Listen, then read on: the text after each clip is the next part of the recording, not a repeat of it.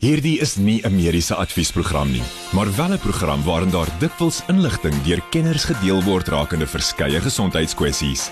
Vir persoonlike raad of advies, raadpleeg jou mediese dokter of sielkundige. Groot trauma met Pieter Kloete en dokter Jaco van die Kerk op Groot FM 90.5.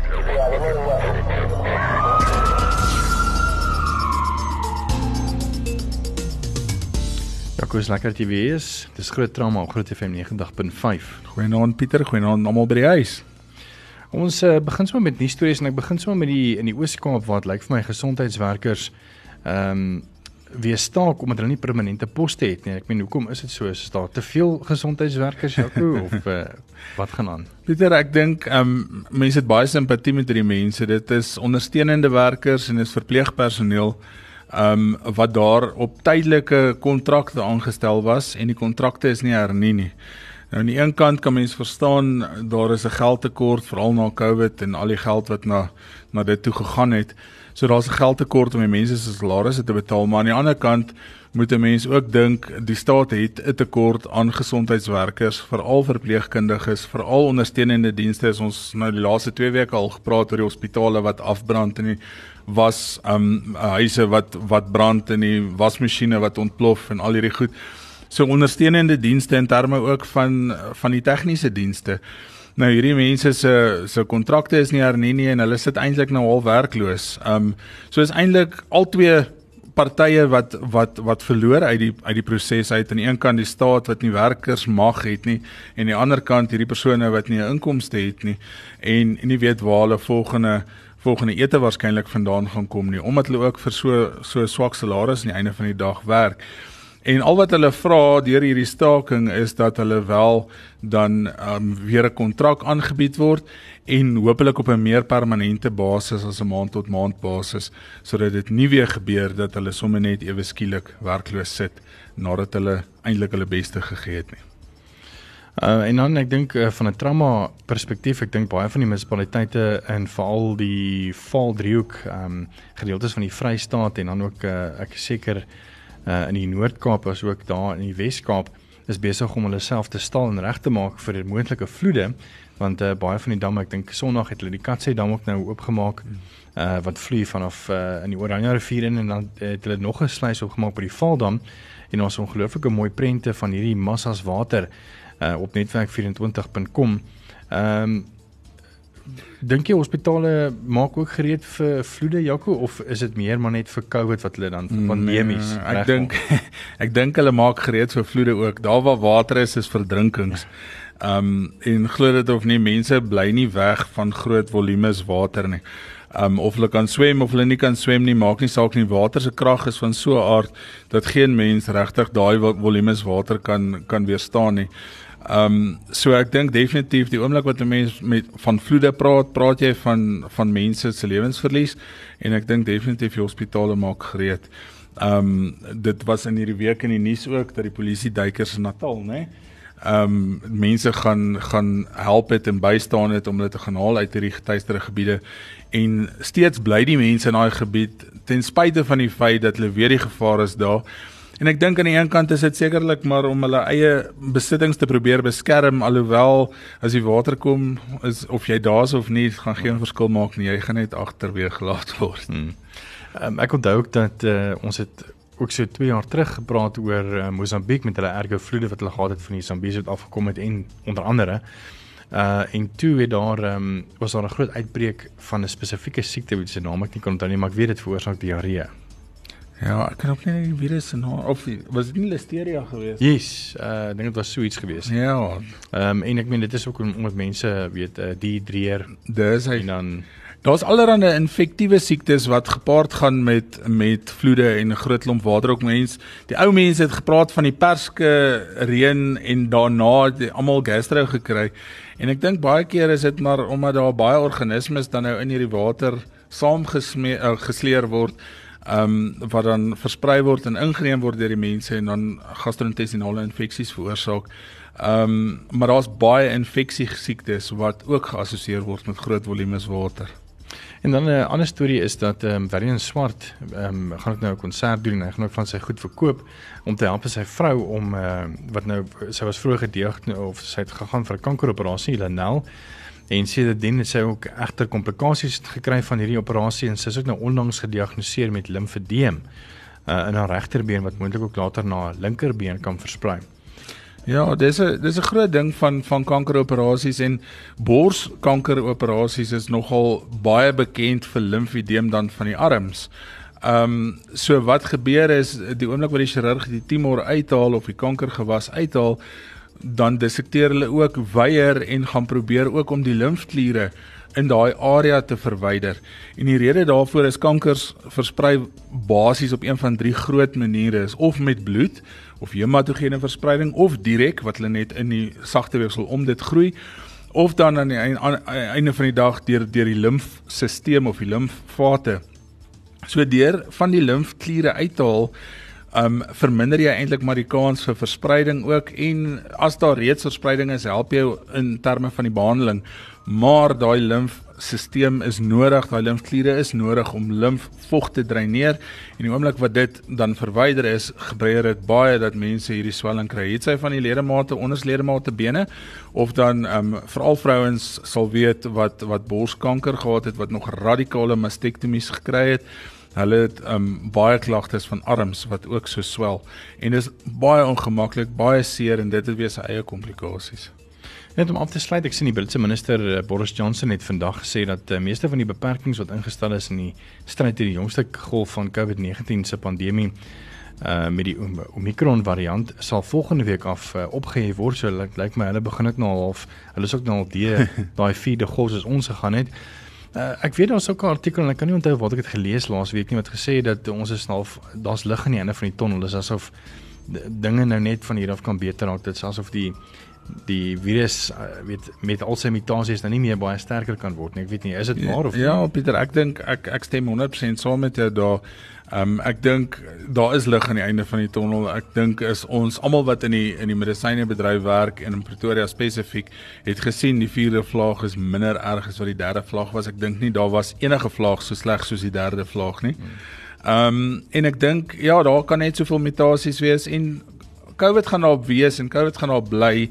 Ek dink nie ons gaan ooit ontslaa raak van die virus as sulks nie, maar ek dink nie dit gaan met hierdie pandemie ehm um, jy weet hoeveelhede van mense betrek nie. En ek dink ehm um, al die pandemies van tevore het ook 3 of 4 golwe gehad en dan sit verby. En ons sien dit dit is 'n sikliese ding so waarskynlik hopelik is ons reg deur te sê daar's lig aan die einde van die tonnel dis wonderlike nuus. Bly geskakel net hierna gaan ek en jou Jacobie gesels oor ehm um, die onlangse varkhart wat oorgeplant is in 'n mens. En ons gaan jou 'n bietjie bederf ook ons gaan 'n bietjie later vir jou Facebook live Ons het uh, twee varkharte letterlik in die ateljee en ons gaan hulle 'n bietjie bekyk van nader. So as jy baie nuuskierig is om te sien hoe 'n varkhart vergelyk met 'n menshart, bly gerus ingeskakel uh vir net hierna. Ons gaan 'n bietjie daar gesels en dan so om by 8:30 gaan ons dan Facebook live om vir jou so 'n bietjie meer van 'n visuele idee ook te gee van hoe hierdie twee harte um, lyk. Like. Groot trauma op Groot FM 90.5.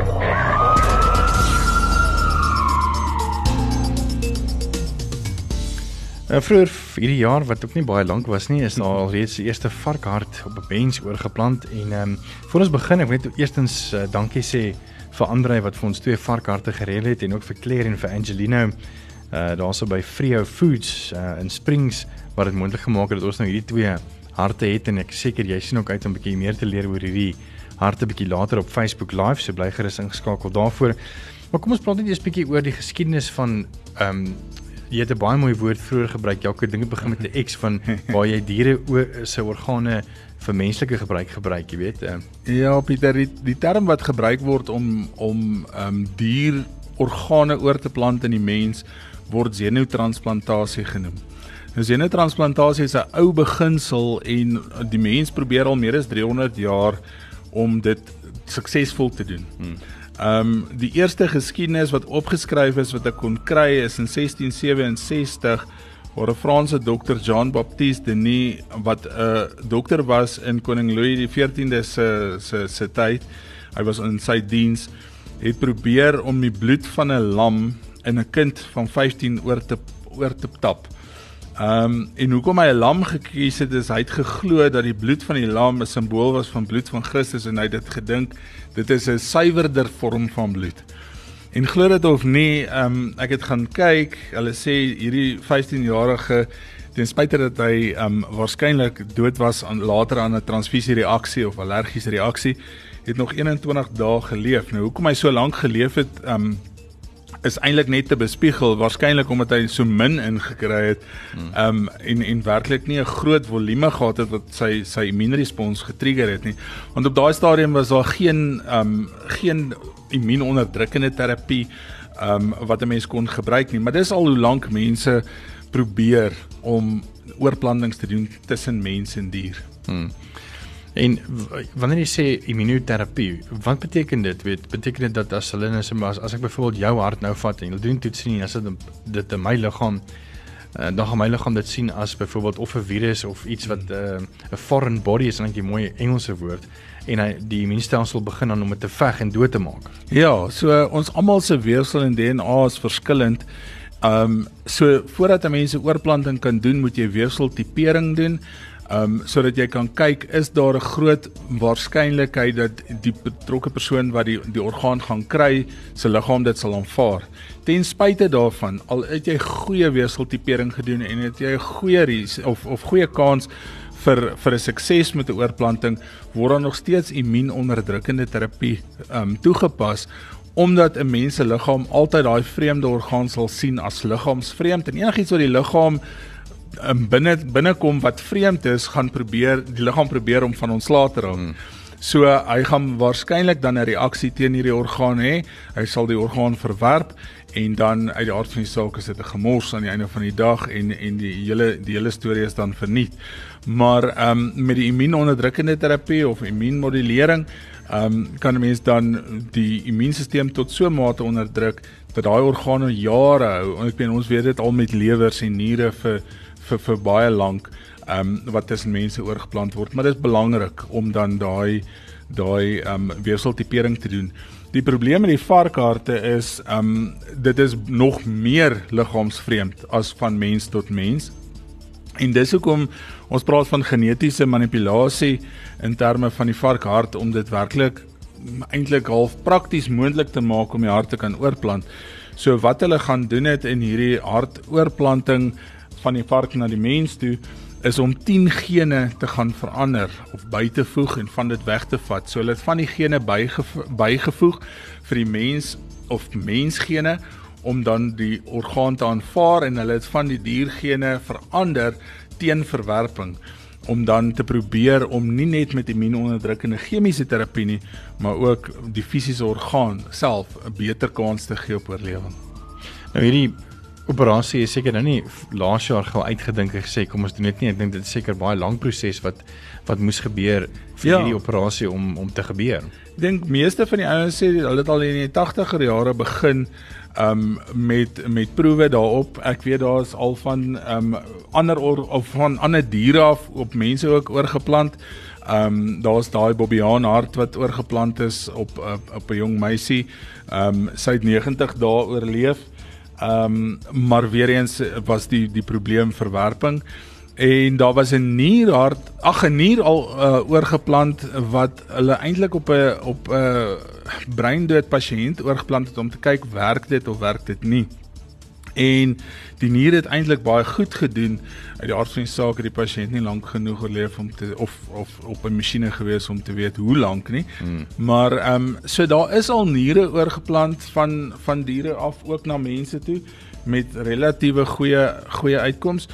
Maar daar sal nog baie studies gedoen word. Dit is 'n ding wat al lank kom en is 'n ding wat nog wat nog baie jare in die toekoms ons gaan besig hou dink ek.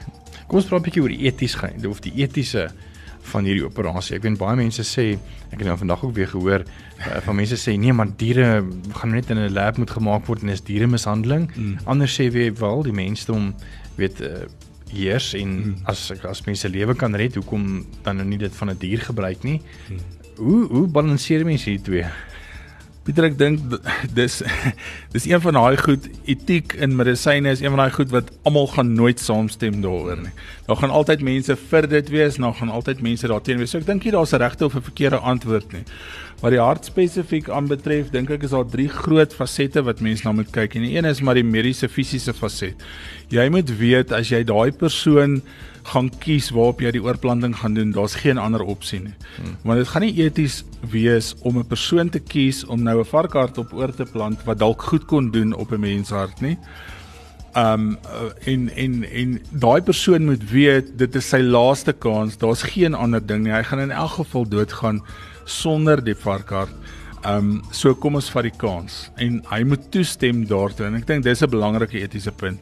Die tweede etiese punt is maar die diereaktiviste, soos wat ons dan nou gesê het. Ehm um, want bacon nou, is lekker uit die aard van die saak. Die die die een kant van die van die muntstuk is mense gaan sê bacon is lekker en ehm um, diere word ook geteel om beter vleis te maak, hmm. groter volume, gewig vleis te maak. Ehm um, en is dit anders as om diere te teel vir organe? Hmm.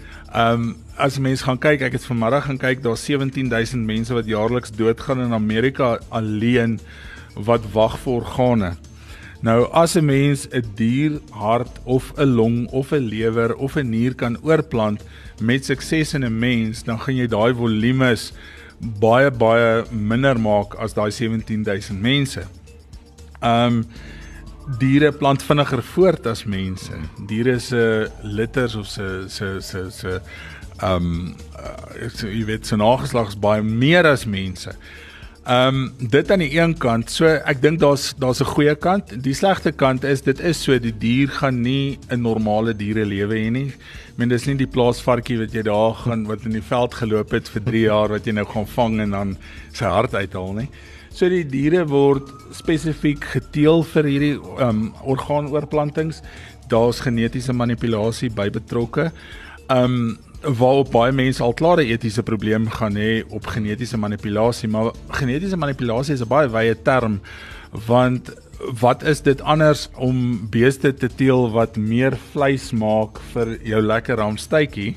Ek meen daar's um, ook mielies en en en mielies en ag alle gewasse, nê. Ja. Ehm um, maar ja, so ek dink dit is geneties gemanipuleerde diere. Dit is diere wat nie normaal gebore word nie. Dis diere wat hulle hele lewe in 'n laboratorium gaan deurbring in 'n skoon omgewing wat dit gemonitor word heeltyd. So ek dink ook die diereaktiviste het 'n punt weet aan die ander kant. Ehm um, die vraag gaan kom wat is die belangrikste die mens of die dier en en en daai antwoord is uit nê ek dink mense kan dalk dalk hulle opinies met ons deel oor daai een. Ehm um, maar ja, dis 'n dis 'n moeilike besluit. Ek dink net aan die einde van die dag sê mense lewe kan red, dan is dit tog nie moeite werd aan die einde van die dag. En dan die derde aspek wat etiese groot dilemma kan wees is geloof. Ehm um, ek dink nie die Christendom het 'n groot issue gehad in die verlede daaroor nie. Mense begin nou eers daaroor dink want daai tegnologie was nooit beskikbaar. Mense het nooit daaroor gedink nie. Biotehnologie, ehm um, biomedisyne, genetiese medisyne, genetiese verandering van van van organe en en diere was nooit 'n opsie nie. Nou begin dit 'n opsie raak. So ek dink daar gaan nog baie gebeur in terme van dit ook en waar die mense se se opinie staan. Uit die aard van die saak die, die mense soos die Jode, die Moslems gaan heeltemal gekant wees teen vark um oorplantings. Mm. Um so ek dink mense moet dit in ag neem en dit is nie nodig dat dat 'n mens sê alles verkeerd as sulks nie. Um dis net goed wat ry mense regtig in ag moet neem voordat 'n mens tot so 'n stap oorgaan. Maar ek dink dis die groot etiese probleme. Sindheid vir Jaco se mediese minuut.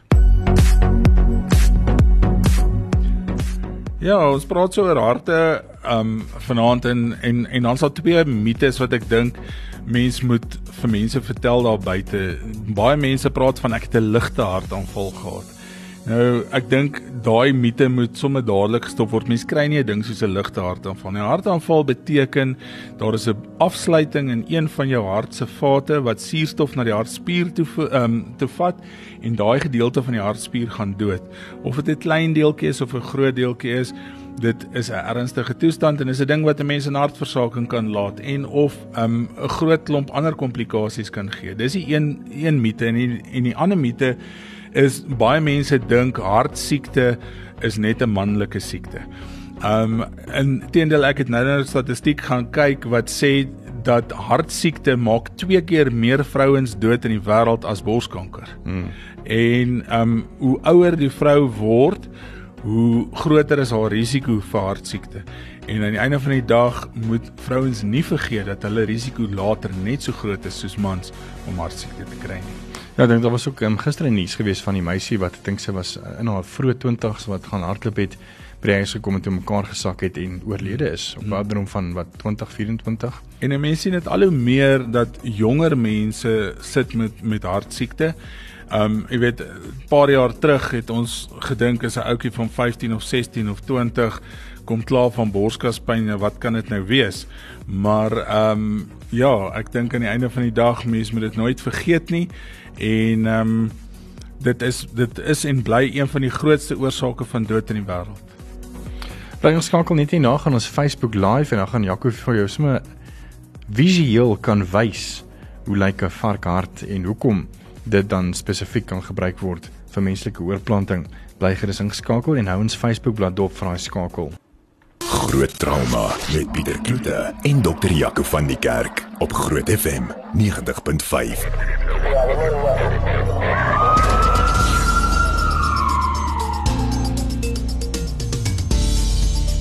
Baie welkom by Vanaand se Groot Trauma. Ek wil net eerstens sê uh, weer eens baie baie dankie vir Claire en Angelino van Frio Foods daar in Springs en vir ander wat vir ons gereël het om hierdie twee varkharte ehm um, te kry en uh, vir Jaco natuurlik wat vanaand vir ons 'n bietjie gaan wys hoe 'n varkhart lyk en uh hoe uh, vergelyk dit dan ook met 'n menslike hart. So Jaco, ek gaan ons net vir jou oorgee en dan kan jy sommer vir ons begin en ons lekker net insig te gee. En uh, onthou jy kan ook op Facebook live gaan kyk. Ehm um, daar is tans 61 mense wat lekker saam kyk en ek weet julle is lekker nuuskierig en julle kan julle kommentaar ook gee. So gaan loer gerus op Facebook. Ons is nou op Facebook live. Ja Pieter, ek dink um, ons almal ek kom ons begin eintlik by die twee harte wat ons die een gaan gaan kyk na die oppervlak anatomie of net van buite af. Ehm um, en dan die ander een sal ons dan nou van binne af of 'n deursnit deur hom gaan gaan kyk na. As ons kyk na die hart is daar eintlik vier hartkamers. Ons praat van die linker ventrikel wat hierdie gedeelte is. En ons praat van die linker atrium wat hierdie klein gedeeltjie hier bo-op is. Ons praat van die regter ventrikel wat hier is onder my vinger en dan praat ons van die regter atrium hierbo. So as mens gaan kyk hoe die bloed vloei, dan kan 'n mens sien bloed kom dan van die stelsel wat dan suurstofarm is. Dit gaan deur daai groot opening na die regter atrium toe Van daar af in die ontspanfase van die hart vloei daai bloed wat hier in hierdie regter atrium is, vloei na die regter ventrikel toe en dan as hy saamtrek, dan vloei die bloed deur hierdie groot vate long toe wat dan die pulmonale arteries is. In die long word die suurstof dan in die bloed die suurstofuitreiling vind plaas en dan van daar af kom die pulmonale vena weer in die hart hier op die linker agterkant is hier die linker atrium. Daar sien mense die opening. Die bloed vloei dan, die suurstofryke bloed vloei dan daarin.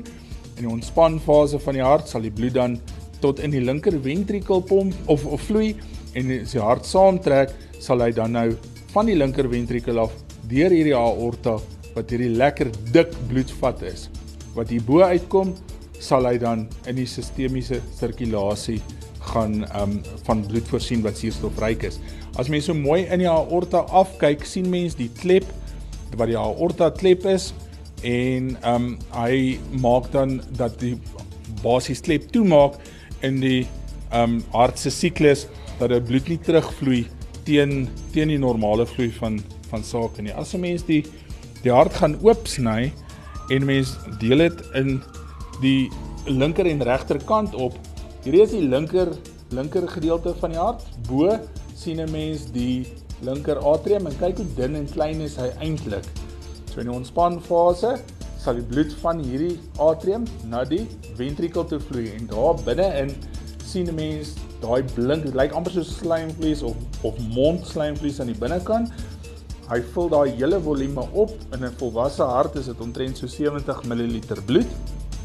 En dit wat 'n mens sien wat lyk amper soos die toue van 'n valskerm is die linkerkantste hartklep wat die linker atrium en die linker ventrikel van mekaar skei dit word die bicuspidale klep um genoem wat eintlik twee flappe bi beteken twee twee flappe het. So daai flappe van daai klep word dan in posisie gehou deur hierdie strukture wat die chordae tendineae genoem word of die ligamentjies wat aan daai mitraalklep vasmaak. Mense kan ook sien as mense oplet die linkerkant of die linker ventrikel se spierwand is baie dik in vergelyking met die regterkant se spierwand wat eintlik baie dun is. Um en dit is maar deels die linker ventrikel moet hard genoeg pomp en 'n groot genoeg volume pomp om die hele sistemiese sirkulasie van bloed te voorsien. Ek wil net gou vinnig noem dat as jy luister, um, jy kan ook kyk wat Jaco nou verduidelik, weet as jy dit miskien ook nou vir jou begin Grieks klink, jy kan net uh, op ons Facebookblad gaan klik en ook jy sommer saam kyk en dan ook uh, sien wat Jaco nou verduidelik. So besoek ons Facebookblad Groot FM 90.5 en die skakel is daarso. Mense kan ook mooi die verskil voel tussen 'n vena en 'n arterie. 'n Arterie is lekker dik en hard en mens voel die wand is lekker dik en stewig soos daar en 'n vena is lekker pap. Mens kan hom sommer so tussen jou vingers toedruk en vasdruk. Nou klassiek in 'n in 'n mens sal jou arteries die suurstofryke bloed dra waar jou venas die suurstofarm bloed wat klaar gebruik is deur die weefsel sal ronddra. Nou mense wonder van 'n hartaanval baie keer en as 'n mens mooi op die oppervlak anatomie gaan kyk van hierdie heel hart, dan kan mens mooi sien die koronêre vate. Jy het 'n regter koronêre vat en 'n linker koronêre hoofafdalende tak noem hulle dit ook of 'n LAD. Um en dis jou koronêre vate. So as die hart saamtrek, dan is daar nie vloei in hierdie vate nie. Dan is dit die sistemiese sirkulasie, die bloed wat deur die aorta gaan, die longvloeie wat plaasvind. In die ontspanfase van hierdie hart se siklus sal die bloed vloei in hierdie koronêre vate en die hartspier sal self van suurstof voorsien word. So wat met 'n hartaanval gebeur is eers in een die verloop van hierdie vate, het sy links of regs of die sirkumflekstakke sal daar 'n stolsel wees of daar sal 'n obstruksie wees in vloei van bloed en baie keer lyk die obstruksie of stolsels letterlik so pikswart bloedstolsel wat dan 'n trombus genoem word. Nou daai trombus um sluit dan daai bloedvat af en dan 'n gedeelte van die spier wat daai bloedvat voorsien sal dan die suurstof kry nie en binne 4 tot 6 ure sal daai selle begin doodgaan en die hartspier sal doodgaan. As mens gaan kyk na een van die harte se agterkant, daai gedeelte wat wat 'n mens daar kan sien, daai swart gedeelte, is al waar hartspier dood is en dis hoe 'n nekrotiese weefsel lyk. So hartaanval se hart, die gedeelte wat doodgaan, sal letterlik pikswart en so lyk. Um en dit is wat dan 'n hartaanval is. So baie mense vra dan wat is 'n omleiding? En omleiding is nie eintlik om jou vate te vervang nie.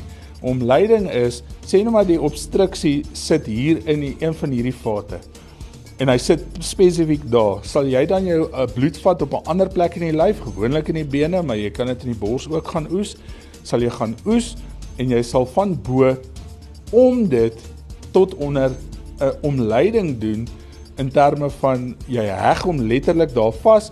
Daai gedeelte word heeltemal uit die stelsel uitgelaat en jy bring die bloedvat terug na die gedeelte net aan die ander kant die obstruksie en jy voorsien hierdie gedeelte wat dan nou nie bloed sou kry wat suurstofryk is nie voorsien jy dan van nuwe bloed. So dis nie om die vat te vervang nie. Jy omlei hom letterlik in terme daarvan. Daar's 'n Facebook vraag van Stean Du Plessis wat vra ehm um, so daai vark 'n hartaanval gehad. Nee, hierdie ding dink ek is toe hy geslag is. het hierdie weefsel net dood gegaan. Ehm um, inteendeel is mense nou baie mooi gaan kyk. Ons het nou-nou gekyk van die van die lig af. Een van hierdie harte het actually stolseltjies nou gemaak in hierdie bloedvate. Onthou die oomblik wat die hart gaan staan, ehm um, sal die, die vloei in die koronêre vate ook stop en sal daar uit die aard van die saak stolsels vorm in hierdie koronêre vate. So as 'n mens daarin druk en mens sien hoe hy dan daar 'n obstruksie maak, daar is ons 'n mooi manier. Daar is hoe hartaanval sou gelyk het. As 'n mens dan nou daar kan jy mooi sien daar Pieter.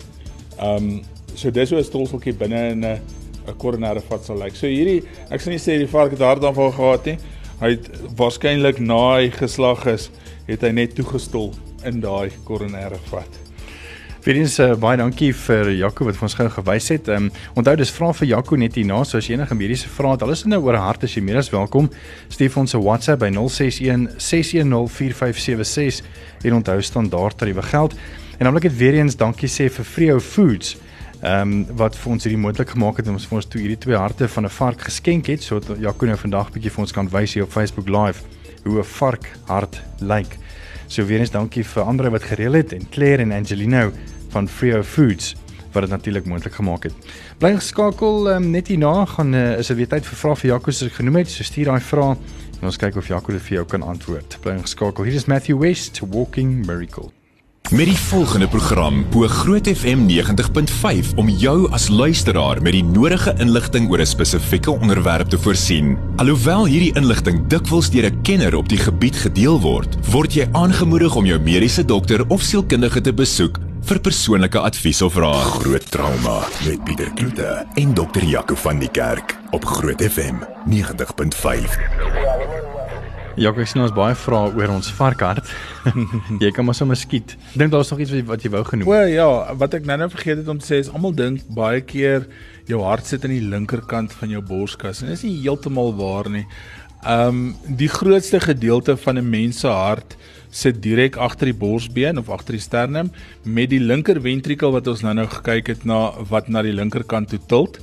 En um, as mense EKG doen, kan mens actually uitwerk hoeveel grade is daai linker ventrikel getilt op grond van die elektriese aktiwiteit in daai hart. Ehm um, so as 'n mens 'n normale hart het wat nie vergroot is nie en wat nie enige siekte het nie, kan mens die linker ventrikel se punt baie keer voel as mens maar genoeg is. So ek ek gaan dit nou nie reg kry nie, maar as mens maar genoeg is, ehm um, kan mens jou linker ventrikel se punt voel klop so in die 4de, 5de rib spasie, so in die middel van jou van jou borskas aan die linkerkant, maar die res van jou hart sit meer regs en na die middel toe van die borskas. En is ek reg om te sê dat met met party met party klein babatjies kan mense ook baie mooi sien. Baie mooi. Partykeer veral as die borskas wand baie dun is, kan jy partykeer as hulle plat lê op hulle ruggie sien waar klop die hartjie. Maar dis baie. Ehm um, net ook dat die die varkhart is min of meer so groot soos die menshart en dis hoekom dit 'n ideale hart maak en grootte van hart maak om in die sistemiese ehm um, sirkulasie behoeftes van die mens te kan voorsien. So as vra vir Jaco, um, ek sien iemand hierso vra, hoe lank sal 'n varkhart 'n mens kan help indien geen komplikasies? Varke leef korter as mense. Ja, dis 'n baie interessante vraag. Ehm um, varke leef korter as mense en een van die geen, manipulasies wat gedoen is met die oorplanting van hierdie varkhart is juis om um, miokardiale hipertrofie te voorkom. Nou miokardiale hipertrofie beteken verdikking van die hartspier, veral die linker ventrikel en varke is geneig om baie vinniger as mense hipertrofie te ontwikkel. So wat hulle gaan doen het is hulle daai geen gaan manipuleer en daai geen gaan uitsny met behulp van ensieme. Ek dink ons het verlede jaar oor die CRISPR en al hierdie ensiem en geen manipulasies gepraat maar hulle dit gaan uithaal met daai ensiemstelsels om dan nie hierdie hipertrofie te kry nie. So as jy nie verwerping gaan kry nie, dis die hart is 'n pomp. Um in in in Chris Barnard is is een van my ek wil nie sê idols nie, maar ek dink hy's hy's regtig een van die pioniers in Suid-Afrika en hy het ook altyd gesê die hart is net 'n spier en 'n pomp. En ek dink as jy hom reg kan hanteer en reg kan voorberei, kan hy 'n mens net so lank hou as wat 'n mens hart dit kan doen. Dink jy Chris sou baie opgewonde gewees het oor hierdie nuwe vark hartoortplanting? Ek dink hy sou baie opgewonde gewees het. Ek dink hy sou eintlik spyt gewees het dis nie hy wat dit gedoen het nie. Dan sê nog in die Senan Dr. Jaco, ek is 'n orgaanskenker. Hoe gaan julle weet ek is? Dis 'n baie goeie vraag. Dis 'n baie goeie vraag. Aan die een kant, ehm um, ons gaan nie altyd weet jy is nie. Die ehm um, persone of die familielede naby aan jou is gewoonlik die mense wat dit vir ons sê. In die hospitaalgroepe in Suid-Afrika maak nie saak wat se hospitaalgroep nie. word ons dan verplig om me, hulle te laat weet, die orgaanskenkingsvereniging te laat weet as daar iemand is wat 'n potensiële skenker is um om dan met die familie te praat of dit wel die persoon se wens was al dan nie. So as jy op so 'n punt kom dat jy waarskynlik of breindood is of daar's geen vooruitsig op lewe nie, dan sal die hospitaalgroep deur die ongevalle of deur die dokter wat jou behandel hierdie orgaanskenkingsvereniging kontak en hulle sal jou familie kontak om te hoor is dit 'n moontlikheid al dan nie en wat was jou wens al dan nie. Dis belangrik om met jou familie te praat daaroor want al is dit jou wens om 'n orgaanskenker te wees en jou familie weier dan is dit 'n nee. En ek dink dis nogal baie baie um belangrik om te weet. So ek dink die belangrikste vir ons om te weet is dat jy jou familie inlig en dat jy met hulle praat voordat dit op daai punt kom. Dan sê nog iemand hierso net vanaand loer wie is dit? Uh Reinet wat sê naam Pieter en dokter Jaco. Ek moet dankie sê vir dokter Robert Kingsley wat 28 jaar my hartoperasies gedoen het.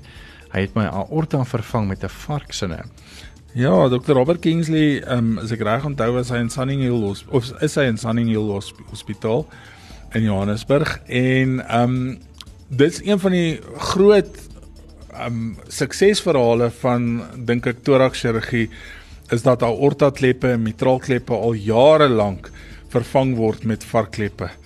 En um met goeie uitkomste en daar sê nou 28 jaar um gelede al gedoen en nog steeds werk dit. Dit beteken dis presies wat ek nou nog sê met daai eerste vraag, hoe lank kan dit 'n mens help as daar as daar niks ander komplikasies is nie, dink ek net so lank soos enige ander hart. Dan eh, 'n vraag van Heinrich af wat ek ook nogal graag wil weet Jaco. Hy sê goeienaand, ek wil net graag uitvind as varke dan nou geteel word spesifiek om harte te kan oorplant, kan die vleis nog gebruik word vir die mens as voedsel? Dit kan definitief um nog gebruik word as voedsel. Onthou, jy verander nie aan die vark as sulks nie, jy verander net aan sy geen wat ma of die gene wat maak dat sy hart dan verdik of vinniger agteruit gaan en jy verander die geen wat maak dat ehm um, hy hy basies verwerp gaan word. So aan die einde van die dag, die vleis gaan definitief nog gebruik kan word vir die mens as voedsel en dit gaan geen geen probleem wees om daai vleis te gebruik nie. So ek dink in in daai opsig en ons is al weer by die etiese ding, ehm um, dink ek is dit 'n dubbel doel dan vir vir daai dier aan die einde van die dag hmm. ook. As jy dan hou van jou bacon en uh dalk so ietsie. Ja. Varkbout. Ek dink om dit baie maklik te verduidelik, miskien ook weet is is om dit miskien ook so te verduidelik is dat ehm um, hierdie gene wat hulle dan verander in die vark is eintlik maar net so sagte ware wat hulle verander op 'n rekenaar. Dis hy. So die harde ware bly nog steeds dieselfde en die rekenaar se harde ware kan nog steeds gebruik word vir wat dit moet gebruik word. Mens tweak dan net die sagte ware op die rekenaar. Ehm um, so dit bly nog steeds 'n rekenaar, dis net die sagte ware wat verander word. Definitief. Dis die mooiste manier wat ek nog gehoor het. nou ja. Hoor ook hierdie was 'n lekker baie interessante program. Baie dankie net weer eens baie dankie vir Andre wat vir ons twee varkharte varkharte geleer geleer Hoopelik nie geleen nie nee. want ek ons gaan sukkel om terug te gee. ja, wat vir ons twee gereël het, daar's hy. Uh, en ook vir Claire en vir Angelina by Frio Foods wat dit vir ons moontlik gemaak het. En hopelik het ons nou 'n goeie verhouding met hulle en ek dink ons kan in die toekoms sommer kyk of 'n mens miskien ook sommer 'n nier kan kry en miskien 'n long want dit is interessant. Mense wil graag weet hoe hierdie organe ja, en organe werk. So dankie dat jy saam geluister het. En ons is volgende week weer saam. Volgende week gesels ons weer met Isel Creer, sy is van Afriforum se trauma uh beradingseenheid en ons gaan 'n bietjie gesels oor onder andere uh internasionale spouse day uh waar weet uh, oor gesinsgeweld en nie meer so bly gerus ingeskakel daarvoor. Dankie dat jy saam geluister het. Ek is môreoggend weer tussen 5 en 6 saam met jou.